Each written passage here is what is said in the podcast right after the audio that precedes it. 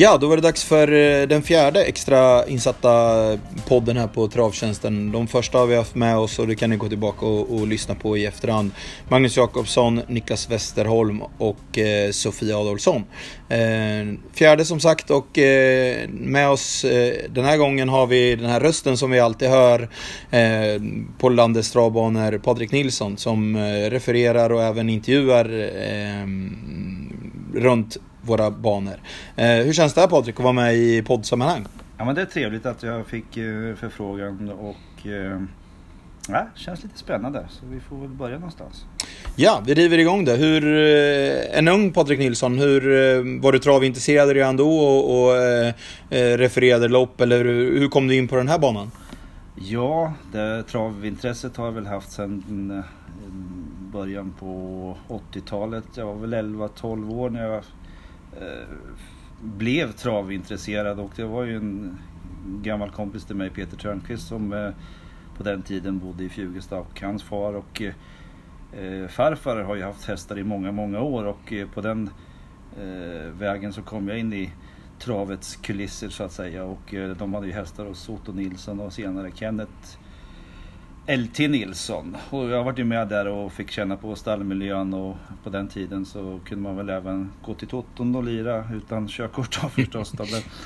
Eller om man hade ombud, hur det nu var. Så att eh, mm, på den vägen var det. Då innan den här perioden då jag kom in på travet så att säga. Så när det var tips extra och det var trav i halvtidspausen som det var på den tiden så, så gjorde jag något annat. Det var fotbollen som var det stora intresset och på den tiden så spelade jag fotboll. Det kan man kanske inte tro just nu då. Men på den vägen var det och då var trav helt ointressant. Men eh, sedan 11-12 års åldern som jag sa så eh, fick jag första intresset.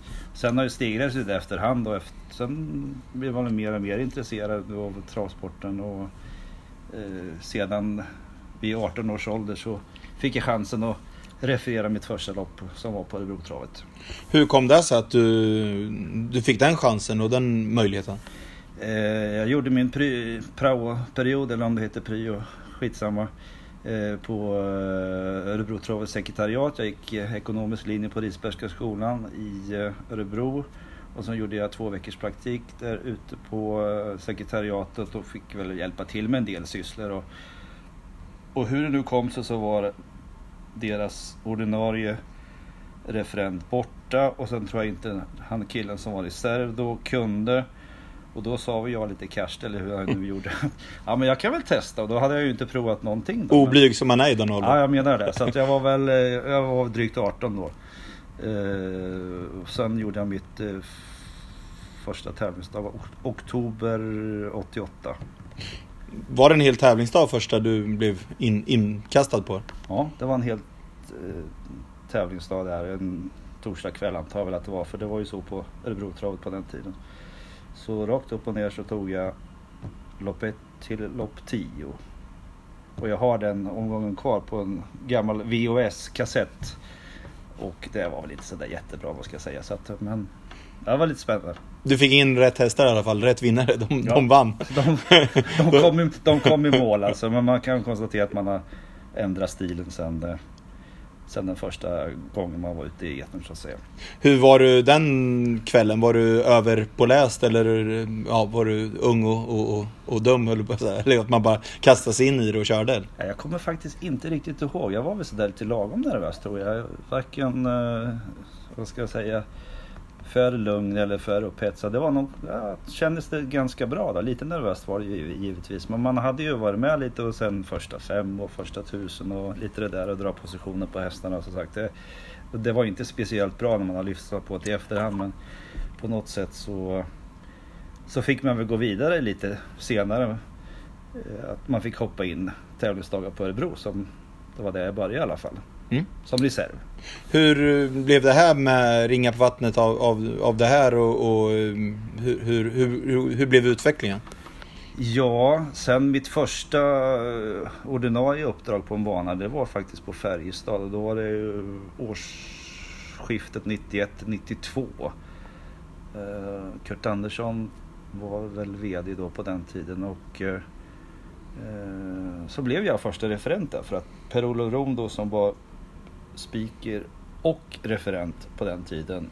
Skulle bara vara speaker då så jag tog över referentjobbet och, eh, och man hade väl några tävlingsdagar då innanför västen på Örebrotravet. Och så vart det Färjestad då som min första ordinarie bana och sen när jag, min andra ordinarie bana eh, var ju Örebro men vilket år det var det kommer jag inte ihåg men det är mitten, senare på 90-talet. Men på den här tiden då, då, då fanns det inga lunchtävlingar utan då var det, då var det kvällar som gällde och du hade eh, ja, ett civilt jobb kvar vid sidan om. Ja, jag var ju lagerarbetare på ett företag i bageri och restaurangbranschen på, eh, i Örebro då, så att säga. Som jag jobbade, ena veckan jobbade jag 05.00 fram till 14 och sen hade jag eh, Eh, 7 till 4 eh, andra veckan. Och sen var det ju Färjestad eller eventuellt Örebro på kvällarna på den tiden som gällde då när jag hade ett eh, ordinarie jobb så att säga. Hur, eh, minns du hur, hur utvecklingen var? Det började som sagt eh, Örebro, Färjestad till du fick fler och fler banor och, och vilka år, eh, år det var när du sa upp det från jobbet och mm, om det var en tuff utmaning att, att, att våga göra för att verkligen gå all in i travet. Det blir många frågor igen här. Ja, sen efter några år så vart jag ordinarie på Örebro och sedan eh, vart i Lindesberg och Årjäng i den ordningsföljden. Så jag hade ju de banorna då. Eh, sen hade jag väl ett ordinarie jobb från och till till 2003-2004 och sen vart det ju längre fram här så vart det ju eh, Solvalla eh, sommaren 2006. Så i och med att jag fick då Solvalla 2006 så var det så pass eh, mycket jobb med eh, själva referent och speaker-delen så att eh, man kunde gå runt på det så att säga. Hur är den då liksom när man får chansen på Solvalla? Det är väl där man, jag förstår att det, dit man vill nå och det, det ja, är kulmen att man, ja nu är, nu är jag, ja hur, hur, känns, hur kändes det? Ja men det kändes väldigt, eh, det var ju naturligtvis jättespännande att man fick förfrågan då att jag skulle börja hoppa in på Solvalla. Eh, för jag hade ju inte gjort något inhopp på Solvalla innan eh, jag fick den här förfrågan då 2006. Så det, det är klart att Solvalla var ju någon av favoritbanan då i unga år när man var där på Solvalla som ung tonåring där och kom in på Solvalla för första gången. Så ja, det är ju huvudstadsbanan trots allt. Hur, eh, ja nu vet jag, nu vet jag nästan svaret, men hur, sen dess när du började, hur många dagar har du missat på, på Solvalla sen, sen du, du trädde igång? Ja, jag har väl inte missat någon dag, tror jag. Det är nog så. Det var det, var det jag hade på känn och det är ganska imponerande att man är, man är på jobbet, eh, ja, Solvalla kör ganska många. Ja, de gör ju det. Så att, eh, jag komma för sent någon gång tack vare olyckor i trafiken och lite sånt där. Men eh, annars har jag varit på plats Elitloppshelger som eh, breddloppssöndagar. Eh, Pålitlig. Eh, hur, eh, hur många mil bi blir det i bilen och eh, hur många fasta banor har du, eh, har du just nu? Eh, fasta banor eh, som jag har uppdrag på är ju sju banor. Eh, det är ju då Solvalla där vi sitter just nu. Vi har uppdrag på Eskilstuna, Örebro, Färjestad, Lindesberg, eh, Åmål och Åring. Det vart väl sju va. Sen det kan ju vara lite inhopp på andra banor som Mantorp och ja, Rom och Rättvik. Det kan ju vara Gävle någon gång. Och, ja, man har hoppat in lite som reserv då ibland. Så att, och antal mil, ja, jag ligger väl Slår du Ulf Olsson? Nej, det gör jag nog inte. Men, och det är väl mycket tack vare att man eh, samåker med en del. Så att, eh, eh men jag kommer nog upp i runt eh, 6000 mil ändå per år. Har du varit med om någon olycka genom åren eller klarar du det från det? Nej, små incidenter men äh, inga olyckor att tala om peppar peppar så att äh, än så länge har vi haft turen då så att äh, hoppas det fortsätter så.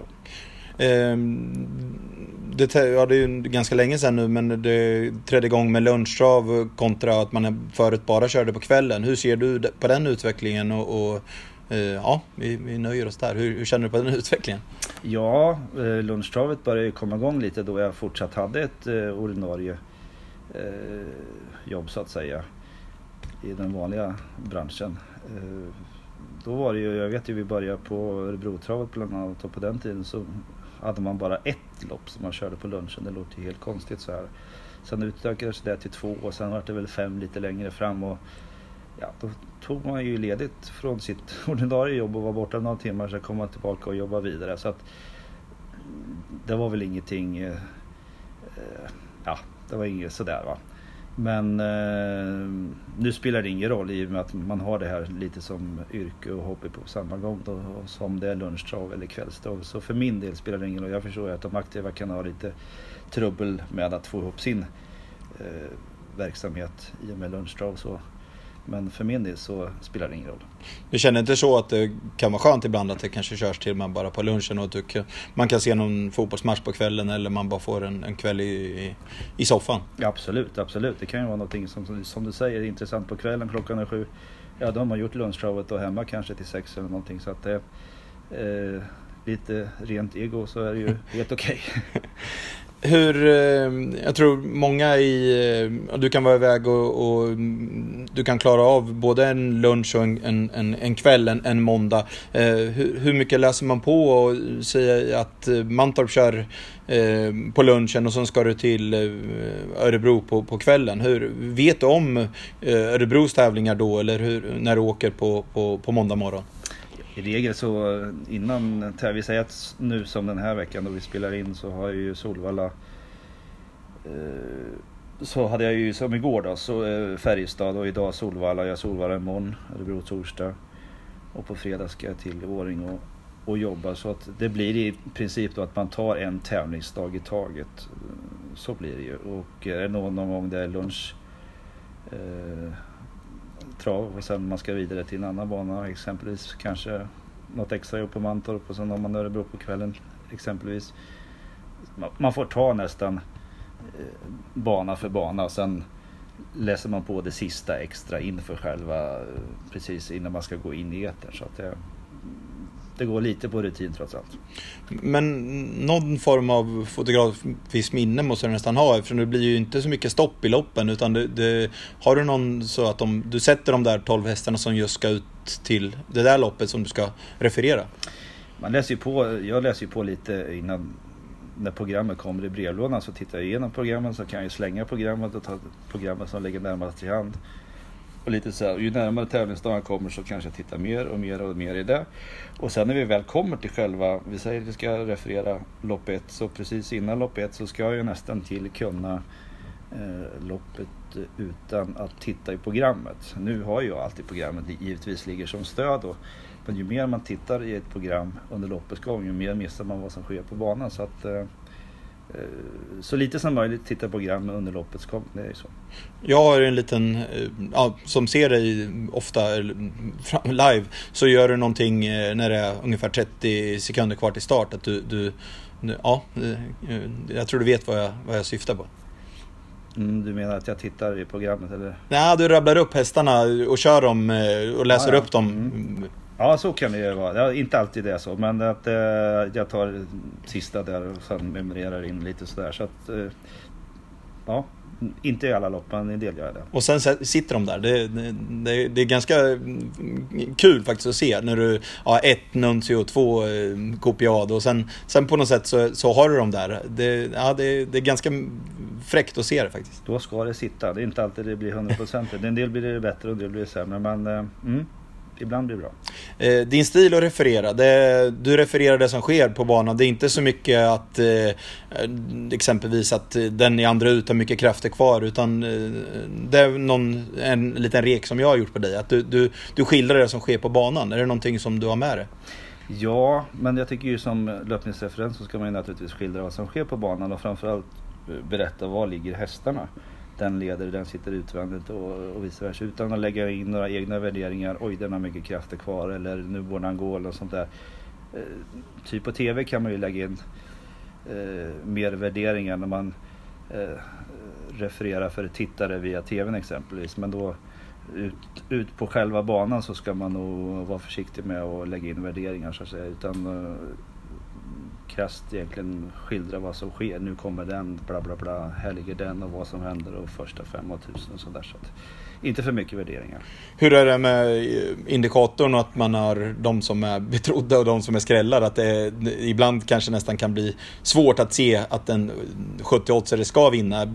Kan det också påverka ett referat? Mm, det kan det ju i och för sig göra. Alltså samtidigt är ju, man kan ju kanske läsa lite vad som sker 500 kvar men det kan ju hända så mycket eh, sista biten in mot mål så att eh, visst, man läser lite loppet väntar, kommer den ut, kommer den få lucka eller hur blir det nu? Så kanske inte blir så i alla fall. Utan man får nog vara med, beredd på vad som händer. Och sen brukar jag faktiskt läsa lite på oddstavlan eh, innan loppet och se lite vad spelarna har värderat chanserna till och sådär. Så att eh, man har lite kanske extra koll på eh, vilka som är favoriter. Så man inte tappar en favorit som har galopperat första sväng. Man kan ju kanske komma undan bättre med om man tappar en som galopperar första sväng som står i 60 gånger kontra en som står i 1,80. Så lite sådana grejer, att man försöker få med att man har lite extra koll på de som kanske är mest betrodda om de hoppar och så. Kan det bli att man blir lite en trött dag på jobbet, att det är en 1,50 häst som sitter i ledningen och det är 400 kvar, att den, den, den, nästan är i mål i din hjärna också, som det kan vara i, i min? Det borde inte vara så i alla fall och det kan väl hända att det är lopp som man tycker att ah, nu är det ju nästan klart och så blir det därefter också. Men eh, eh, ja, man får, allting kan hända, den gamla klyschan. Eh, något eh, sådana misstag som du har med dig och kan berätta för lyssnarna eller något referat som du är mest nöjd med? Jag kan hjälpa dig annars på, på båda. Ja, jag tycker, det där är så svåra frågor och misstag det gör man ju hela tiden. Eh, även om det ibland kanske inte hörs så försöker man rätta till ett, eller berättar egentligen hur du egentligen ligger till. Man har sagt något annat. Eller också låter man det bara gå vidare och fortsätter som att det, ja, låtsas som det regnar. Då. Eh, bästa referat har jag fått frågor förut. Men det är ju alltid lite kul med när det är speciellt med Elitloppet och lite sånt där. Annars så vissa lopp fastnar som kanske inte är så stora rent eh, för omgivningen. Men eh, jag har inget bra svar på vem roligaste lopp och sådär. Och miss, som sagt, misstag eh, mer eller mindre. Det, det kommer man ju aldrig undan. Men du har i alla fall varit med att eh, du inte har trott att det, på ett 2-6 lopp att de, ja, du har räknat fel på något varv eller något sånt? Nej, det har jag inte gjort. Men eh, jag har ju... Eh, nej, men som sagt misstag sker ju. Jag, sa fel vinnare en gång på Färjestad. Fast jag egentligen såg att den andra hästen vann. Men jag sa den, den namnet som var två mål som vinnare. Och det är väl en 5-10 år sedan. Något. Jag kommer inte ihåg men som sagt eh, man får försöka minimera misstagen. Just det med Elitloppshelgen som du var inne på. Du, det känns som att du, du växlar upp där. Det var något med Bull Eagle när det var så här, Örnen och att det verkligen blev när när, när han skulle attackera. Att det, det, det, det dras igång liksom, att hela dig nästan. Ja det blir ju det och sen är det lite mer man sitter där eh, högt uppe på elläktaren och sen har man publiken i bakgrunden och de går igång för att det är bra sport på banan. Och det är klart att då taggas man ju med som eh, eh, referent och hoppas man kanske inte eh, ska sätta sig själv i fokus för mycket utan det handlar ju om att referera på banan men samtidigt kunna bjuda publiken på något och samtidigt eh, berätta för publiken vad som eh, verkligen sker på banan också. De här eh, lite klassiska, ja men Nuncio tapper, kämpar som en furie. Är det någonting du har planerat innan eller kommer det bara på, eh, på, på en sekund? Ja, jag planerar aldrig någonting jag har gjort. Det, det kanske, kanske är fel, jag vet inte. Men eh, jag har all, något, det som har skett, eller jag sagt på ett upplopp exempelvis under en Elitloppshelg, någon försök eller final eller sådär. det har kommit eh, helt spontant. Eh, just det här med att läsa på och, och eh, ja, jobba med, med, med uttalen, det vet jag att du är väldigt noga. Och är, hur, hur går du tillväga där? Man kan ju, det finns uttalslexikon eh, på, på nätet, det finns lite annat. Och jag är inte speciellt språkkunnig så sett men försöker att eh, hitta rätt uttal för respektive häst. Och ibland kan det hända att jag ringer uppfödaren och frågar hur de har tänkt sig. Eh, Ja. Är det folk även som kontaktar dig och säger om du har sagt fel eller så? Ja, det har hänt men det är väldigt sällan genom åren faktiskt. Jag kan stöta på dem och de kan ju säga åt mig att vi vill att den ska heta på det där viset. Ja, okej, okay, då ändrar man sig. Inte mer med det. Eller så kan jag som sagt eh, höra av mig till uppfödaren och man kan ju söka på nätet och googla på själva ordet och sen kan man kanske kan läsa av och ha mamman tidigare lämnat. Har man något gemensamt och att man döper hästen till samma sak. Aha, då ska den ju heta så. Kan det ju vara exempelvis. Så att, eh, det är väl det jag läser på allra mest på hästarnas uttal inför ett lopp samtidigt som jag eh, spånar på tävlingsdagen i övrigt.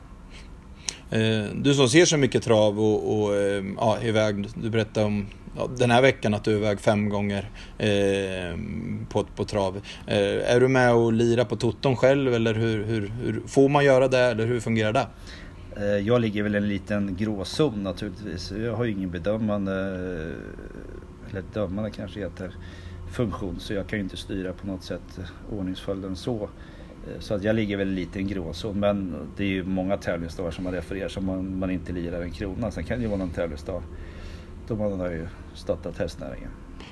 Så det är ingen från, från ryggledaren så det kommer någon hastig attack eh, ut i spåren för att du vill få, få ut den i något referat? Ja, då är man illa ute.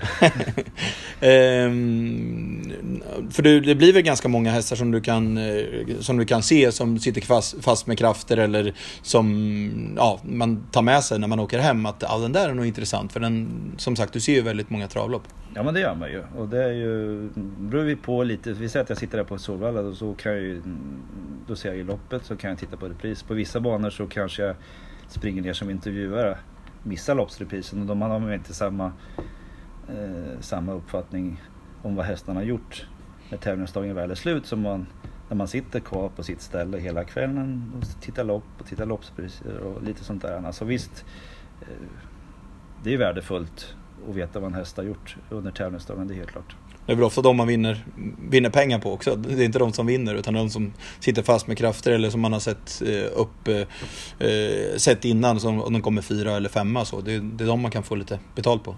Absolut, jag menar vinnaren kan ju vem som helst i princip säga vad den har gjort. Sen är det ju de där bakom som kan vara nästa gång.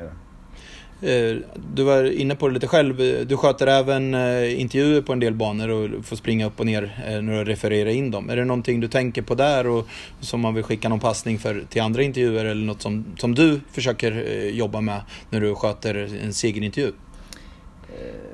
Ja, man behöver givetvis vara påläst.